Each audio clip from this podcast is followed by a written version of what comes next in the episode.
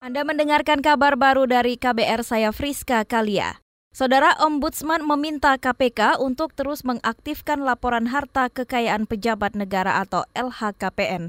Anggota Ombudsman Adrianus Meilala menyebut sejauh ini LHKPN kurang mendapat perhatian dari Dewan Pengawas para penegak hukum bisa jadi profil lah. Jadi bayangkan misalnya kalau seorang kabak di Polda punya kekayaan 10 miliar, tentu kan itu secara profil tidak wajar. Minimal itu kemudian bisa dipakai sebagai sebagai sumber informasi bagi para pembuat kebijakan yang berikutnya ketika mau memilih dia. Anggota Ombudsman Adrianus menyebut sejauh ini gratifikasi telah menjadi budaya dalam birokrasi negara, khususnya di lingkungan penegak hukum.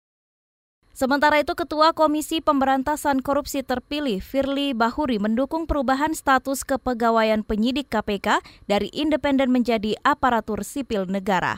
Dalam pernyataannya, Firly hanya memberi catatan bahwa perubahan status tersebut takkan mengurangi gaji pegawai KPK. Nah, itu adalah ada kementerian yang mengatur. Kementerian mengatur itu tentu ada dan ada aturan-aturan tertentu. Jadi saya kira itu. Prinsipnya adalah kita ikuti seluruh aturan, jangan pernah melanggar aturan. Gitu Tapi banyak pegawai KPK banyak yang menolak, Pak. Bukan, aku tidak mau merespon yang saya tidak tahu. Saya tidak mau berandai-andai. Firly enggan merespon penolakan pegawai KPK terhadap wacana perubahan status menjadi ASN. Menurut Firly, perubahan status pegawai tersebut akan diurus Kementerian Pendayagunaan Aparatur Negara dan Reformasi Birokrasi. Perubahan status pegawai KPK diatur dalam Undang-Undang KPK terbaru. Selain status pegawai, sejumlah pasal kontroversial muncul di Undang-Undang KPK terbaru, salah satunya pembentukan Dewan Pengawas KPK.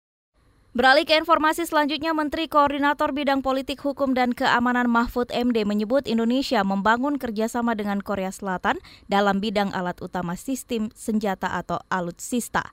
Ia mengatakan salah satu yang akan disepakati dalam kerjasama tersebut adalah persenjataan dalam pesawat tempur. Banyak kok yang dibicarakan bukan hanya itu soal pendidikan, soal persenjataan, soal perdagangan, soal macam-macam.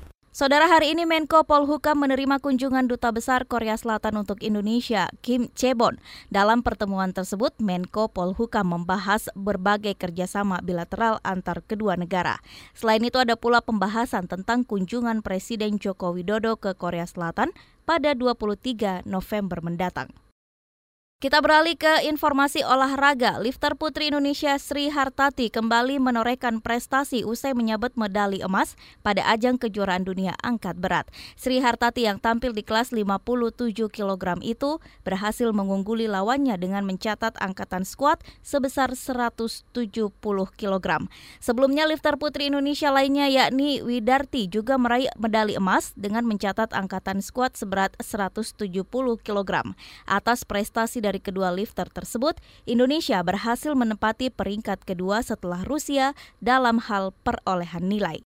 Demikian kabar baru dari KBR, saya Friska Kalia.